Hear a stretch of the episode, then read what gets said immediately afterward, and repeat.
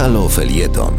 Przed mikrofonem Aleksandra Rutkowska rzeczniczka prasowa Polskiego Centrum Pomocy Międzynarodowej. Ratownicy z PCPM uczą pierwszej pomocy w domach dziecka. Wiedza przyda się podopiecznym placówek wychowawczych nie tylko w czasie wakacji.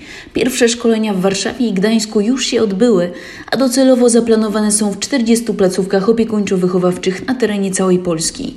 Termin szkoleń specjalnie dla nich przygotowanych nie jest przypadkowy.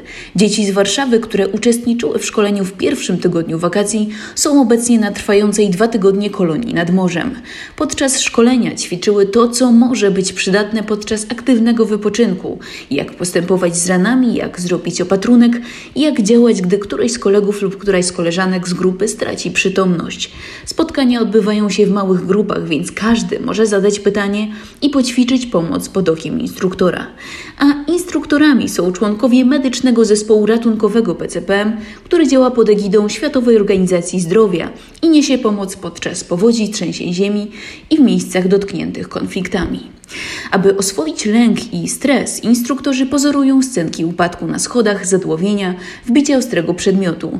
Dzieci na szkoleniach uczą się, jak zakładać opatrunek, ale też ćwiczą, jak prawidłowo przeprowadzić resuscytację. Projekt Razem dla Zdrowia przygotowany jest przez Fundację PCPM przy współpracy z Fundacją Pankracy i wsparciu Fundacji City Handlowej imienia Leopolda Kronenberga. Zachęcamy do wsparcia i przyłączenia się do akcji na pcpm.org.pl ukośnik ratownicy. Na www.haloradio ukośnik SOS wspieraj niezależne Halo Radio, które mówi wszystko www.halo.radio ukośnik SOS.